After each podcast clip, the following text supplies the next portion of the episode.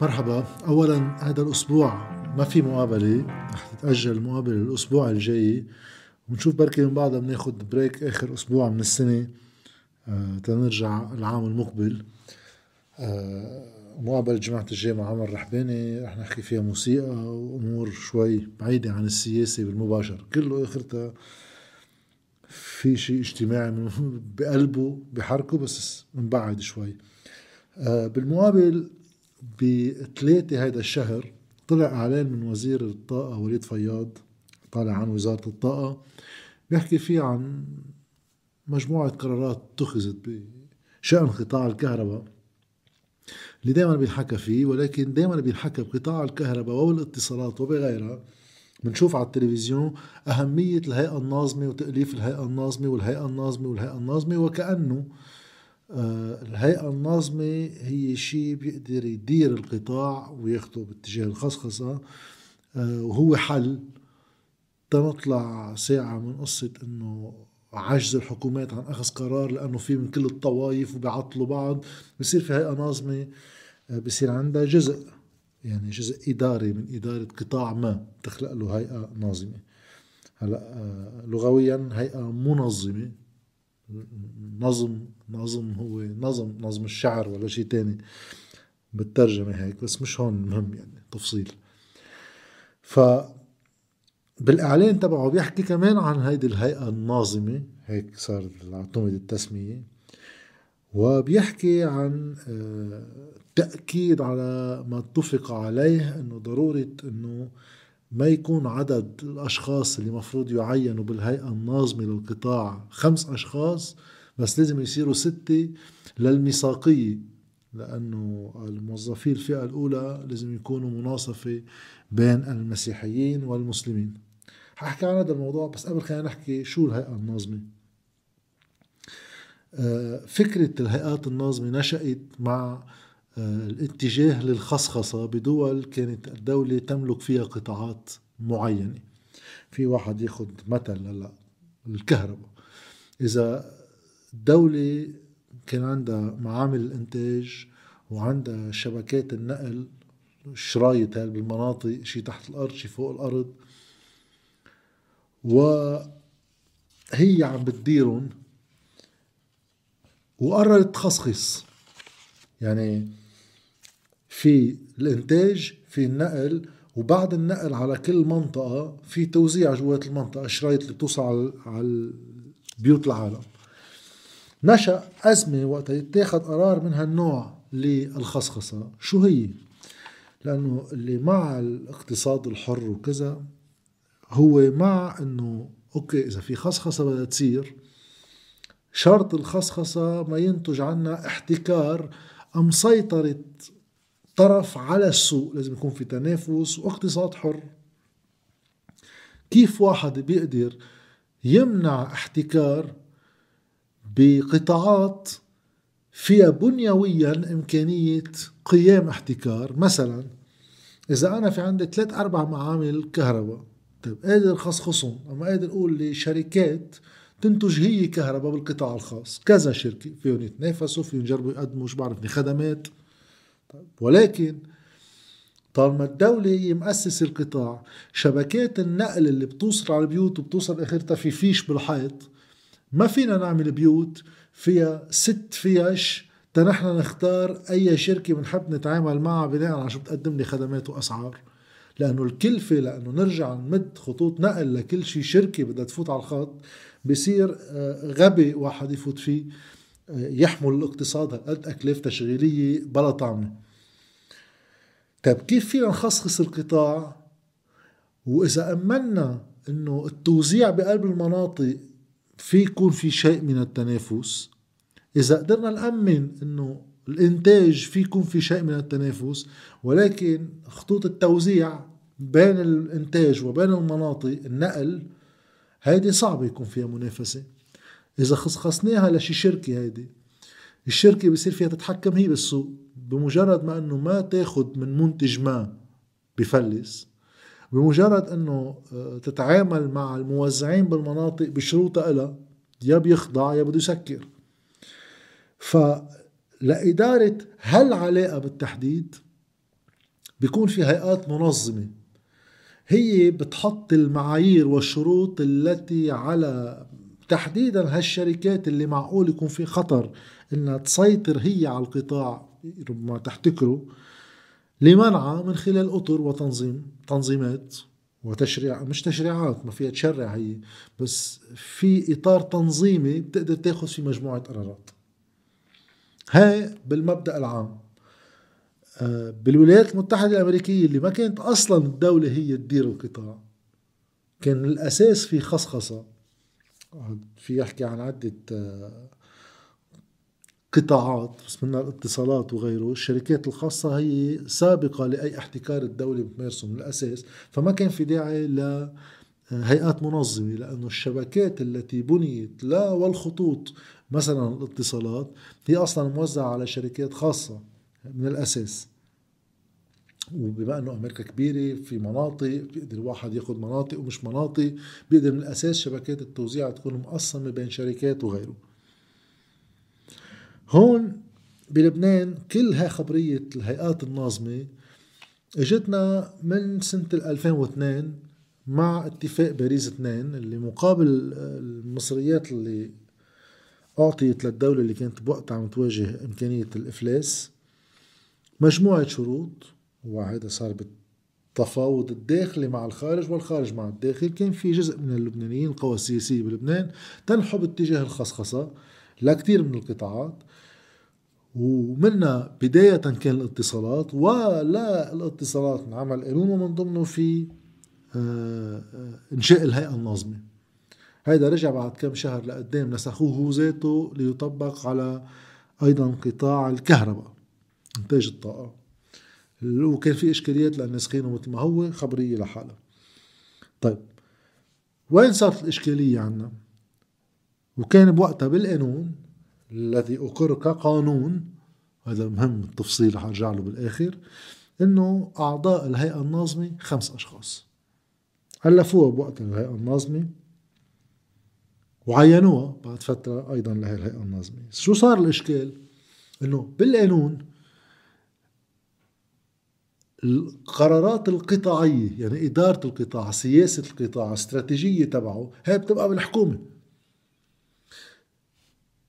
الأمور اللي بتنفذها الهيئة الناظمة هو ضمن الخيارات اللي بتحددها الحكومة. مثلا بتقرر هي خيارات كبرى لهذا القطاع الحكومي تجي الهيئة الناظمة بناء على الخيارات وهالشروط بتعمل دفتر شروط بدها تلتزم بسياسة الحكومة. ولكن الإدارة ودفتر الشروط وكيفية التواصل مع بيتقدموا لاستدراج عروض ولا شيء بصير بإدارة الهيئة الناظمة وعلاقة معهم المشكل صار إنه قبل ما الدولة تقر أي سياسة قطاعية الوزارة والحكومة بدأت بوقتها الهيئة الناظمة تعد دفاتر شروط للتلزيم تلزيم بالاتصالات. فعليا هو خصه بأوجيرو يعني Liban Telecom. اللي كان أوجيرو تمني النفس إنه هي تصير Liban Telecom اللي هي الشركة الثالثة المنصوص عنها بالقانون بإدارة الدولة. مش هو تفاصيل بس المهم فيهم إنه صار الصراع بوقتها إنه كيف الهيئة الناظمة بتجي هي بتعدى دفاتر شروط طالما بعد ما في سياسة قطاعية تم بتة من قبل الوزارة ومجلس وزراء وصار في إشكال صار في ادعاء وبياخذ قرار مجلس شورى الدولة بإبطال قرارات الهيئة الناظمه بالقول إنه لا صلاحية لها لأنه القانون القرارات اللي اتخذتهم الهيئة الناظمة غير نافذة لعدم اكتمال شروط نفاذها شروط نفاذها يعني يكون في سياسة قطاع بتنفذه الهيئة الناظمة بإجراءات وتدابير ومن وقتها في عنا شيء تاني غير الاتصالات آه، البترول. هيئة إدارة قطاع النفط هيدي هيئة ناظمة هيئة منظمة ولكن عينت بست أشخاص مش خمسة. وبال 2018 بده واحد يراجع يتأكد من الرقم بس بهديك الفترة الحكومة بتاخد قرار بتقول إنه لأسباب الميثاقية وإنه خمسة بالهيئة الناظمة كيف فينا نوزعهم على الطوائف؟ ما في مناصفة بين المسيحيين والمسلمين. لأنه اعتبروا إنه الهيئة الناظمة هي آه، مثل وظائف الفئة الأولى.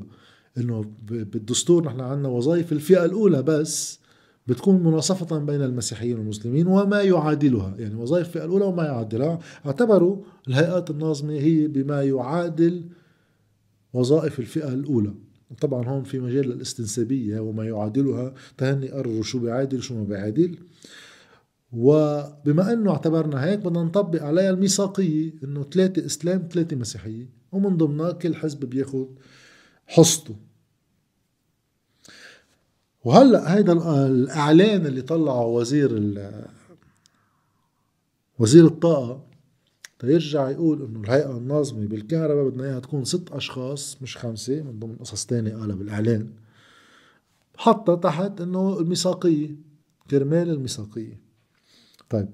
اولا تعليق بسيط. بعد هيدي الرواية كل الهيئات الناظمه اولا على قصة هاي المناصفة بعدين على فكرة الهيئات الناظمه كيف في وزارة تعمل إعلان؟ وزير يعني إعلان يعني طلع ورقة يعني ماشي يطلع إعلان بخلاله بيغير قانون. هي إذا للبد في ميثاقية وبدها تتغير القصة. قصة الهيئة الناظمه وعددها خمس أشخاص. هيدي أقرت بقانون وتعدل بقانون وتقطع مجلس نواب. كيف الحكومة أصلا من ثلاث أربع سنين بتطلع هي كمان قرار إنه هول بده يكونوا ستة؟ هذا طالع بقانون بمجلس النواب يا بتعدلوا بقانون يا بدك تطبقوا ما فيك هيك على ذوقك. هاي بس للتأكيد إنه هاي دولة آه، هيدا نظام ما له أي منطق قانوني لواحد يفكر كيف بيشتغل إنه نصير نحكي دستور وقانون. بعرض الحيط فايتين بالقانون وبالدستور ومش عاجبه يدق راسه بالحيط فبيقرروا هلأ إنه الهيئة الناظمة بدها تكون ستة. ما بيرجعوا لمجلس نواب.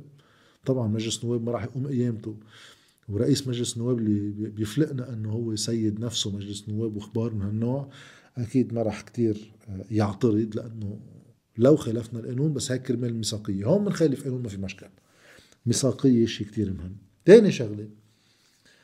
سؤال إذا هاي الميثاقية بدها تمشي على الهيئات المنظمة. شو عم بتقولوا يعني؟ عم بتقولوا إنه حكومة رفيق الحريري وكل حدا كان بهالحكومة وكل حدا بمجلس نواب صوت على هيداك القانون اللي قبل إنه الهيئة الناظمة بتكون بخمس أشخاص هيدا إما ما عنده منطق الميثاقية ما كان موجود بوقتها إما هو ضد الميثاقية من الأساس. فأي متى اخترعوا لنا هيدي الميثاقية هون بدها يكون بما إنه هالجمعة ما عملنا مقابلة في مقابلة الأسبوع الماضي مع أستاذ قانون دستوري وسام لحام قطعنا على الفكرة. ومتى نشأت هالميثاقية؟ بعد 2005 وقت بلش التحاصص الدولي بحجة الطوائف فلشناها على كل شيء. قبل قبل مش بكتير بثلاث سنين يعني ب 2002 انعمل قانون قطع بحكومة قطع بمجلس نواب وصوت عليه كل القوى السياسية. الحمد لله.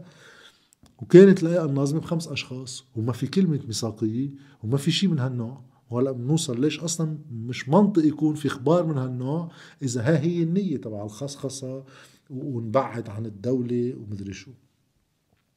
فاذا هاي الميثاقية كذبه الميثاقية اختراع الميثاقية ودحشة وين ما كان.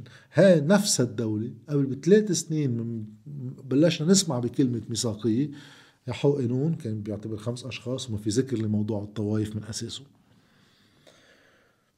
تاني نقطة لازم واحد يركز عليها اللي هي فكرة الهيئات الناظمة إذا فكرة الهيئات الناظمة هي إنه نحن إدارة الخصخصة بما يمنع الاحتكار ويعتبر في شيء بتشغيل القطاعات لازم حدا يمنع إنه المشغل يسيطر عليه وبتكون العلاقة عبر الهيئة الناظمة لإدارة هالقطاع بصورة دائمة. وخصوصا إذا الهم الأساسي بالحالة اللبنانية إنه نبعد عن السياسة بين مزدوجين بتعريفها اللبناني اللي هو تحاصص الأحزاب لكل شيء. نجي نحن بنفوت الميثاقية على الهيئة الناظمة تنقول إنه بدها تكون ستة بدل خمسة يعني تتزبط الحصص على القوى السياسية. وهيك صار بهيئة إدارة قطاع النفط وهيك صار بالهيئة الناظمة بالاتصالات كل واحد عين حدا قريب منه بهيدي الهيئة. طيب ساعتها شو لها معنى الهيئة الناظمة؟ ولشوف بيفلقوا سمانا بأنه الهيئة الناظمة هي الحل عين الهيئات الناظمة. إذا أنا بدي أنقل التوازن السياسي العاجز بقلب الحكومة لأن كله بده يعطل كله وما بيمشي كله إذا وزع إلا إذا وزع كله. يعني أنا عم بنقله لحطه جوات الهيئة اللي بدها تدير بكرة قطاع الكهرباء المخصخص وقطاع الاتصالات المخصخص. بصير في واحد لحركة أمل وواحد لحزب الله وواحد لأي مستقبل يا مئاتي وواحد درزي وفي واحد قوات وواحد عوني وبكرة كمان أكيد الأقليات والأرمن وغيره. هذا الشيء نفسه الموجود بالحكومة اللي أنا أدعي أنه أنا كل وقت همي أهرب منه لأنه المشكلة بلبنان تقنية خدوها على التقني بنجيب هون بنحطهم هون وبنبقى بنقول للناس إنه الحل بالهيئة الناظمة. كيف؟ شو شو العجيبة اللي بدها تصير بس إذا خلقنا هيئة ناظمة؟ فهيدا بس هيك المثل الأخير اللي بيصير امبارح أول هالشهر يعني. واحد يصير يسأل حاله إنه شو قصتها هيدي؟ ولشو ستة مش خمسة؟ بتطلع لنا قصة الميثاقية وبتطلع إنه الكل بده يدحوج جماعته بالهيئات الناظمة وبنطلع على التلفزيون وقتها اللي بحبوا يقولوا إنه مشكلتنا تقنية بس إذا بنجيب الخبراء اللازمين وكذا بنلاقي إنه مين بده يعينهم هول اللي بالخبراء؟ واللي بدهم يديروا القطاعات هن ذاتهم. هي مثل خبرية الصندوق السيادي تبع المصارف اللي حابين إنه يشيلوا خسائرهم بدل ما هن يدفعوها. يصفوا أصول الدولة بنحطهم بقلب صندوق سيادي وبتصير كل مؤسسات الدولة واصول الدولة. شو ما بتطلع أرباح بنبعثهم للبنوك ليدفعون للمودعين إذا انشاءوا يعني. إيه طب سؤال أنا إذا بدي عين صندوق سيادي عين له هيئة يعني مجلس إدارة ورئيس مجلس إدارة مين بيعينهم هو؟ السلطة السياسية. كيف تتعين؟ طبعا كله بده يدحش حاله والا ما بتصير بعمرها طيب ما خليها عند الحكومة ما الحكومة هي بتدير قطاعات الدولة. وخلينا نزيد على الموازنة إنه بنحول للمودعين نسبة 1 2 3% لشو هالبرمة واللفتة. هيدا الدجل تبع التكنوقراط واللي بنلاقي إنه جوات التكنوقراط الكل بيدحش حاله. وبعضهم بيخبرونا إنه قال كل واحد همه التعافي. هلا وبعدنا عم نحكي بنفس القصص اللي قلنا 30 سنة بنعملهم. بنخلق قانون جديد لمكافحة الفساد نحن بنقعد بقلبه. بنعمل هيئة ناظمة للقطاع نحن بنقعد بقلبها. بنعمل آه، رفع السرية المصرفية بس للهيئة الخاصة بمصرف لبنان اللي على راسها رياض سلامة. نفس الأخبار مستمرة وكأنه لا صار في انهيار ولا تعلمنا شيء بهذا البلد.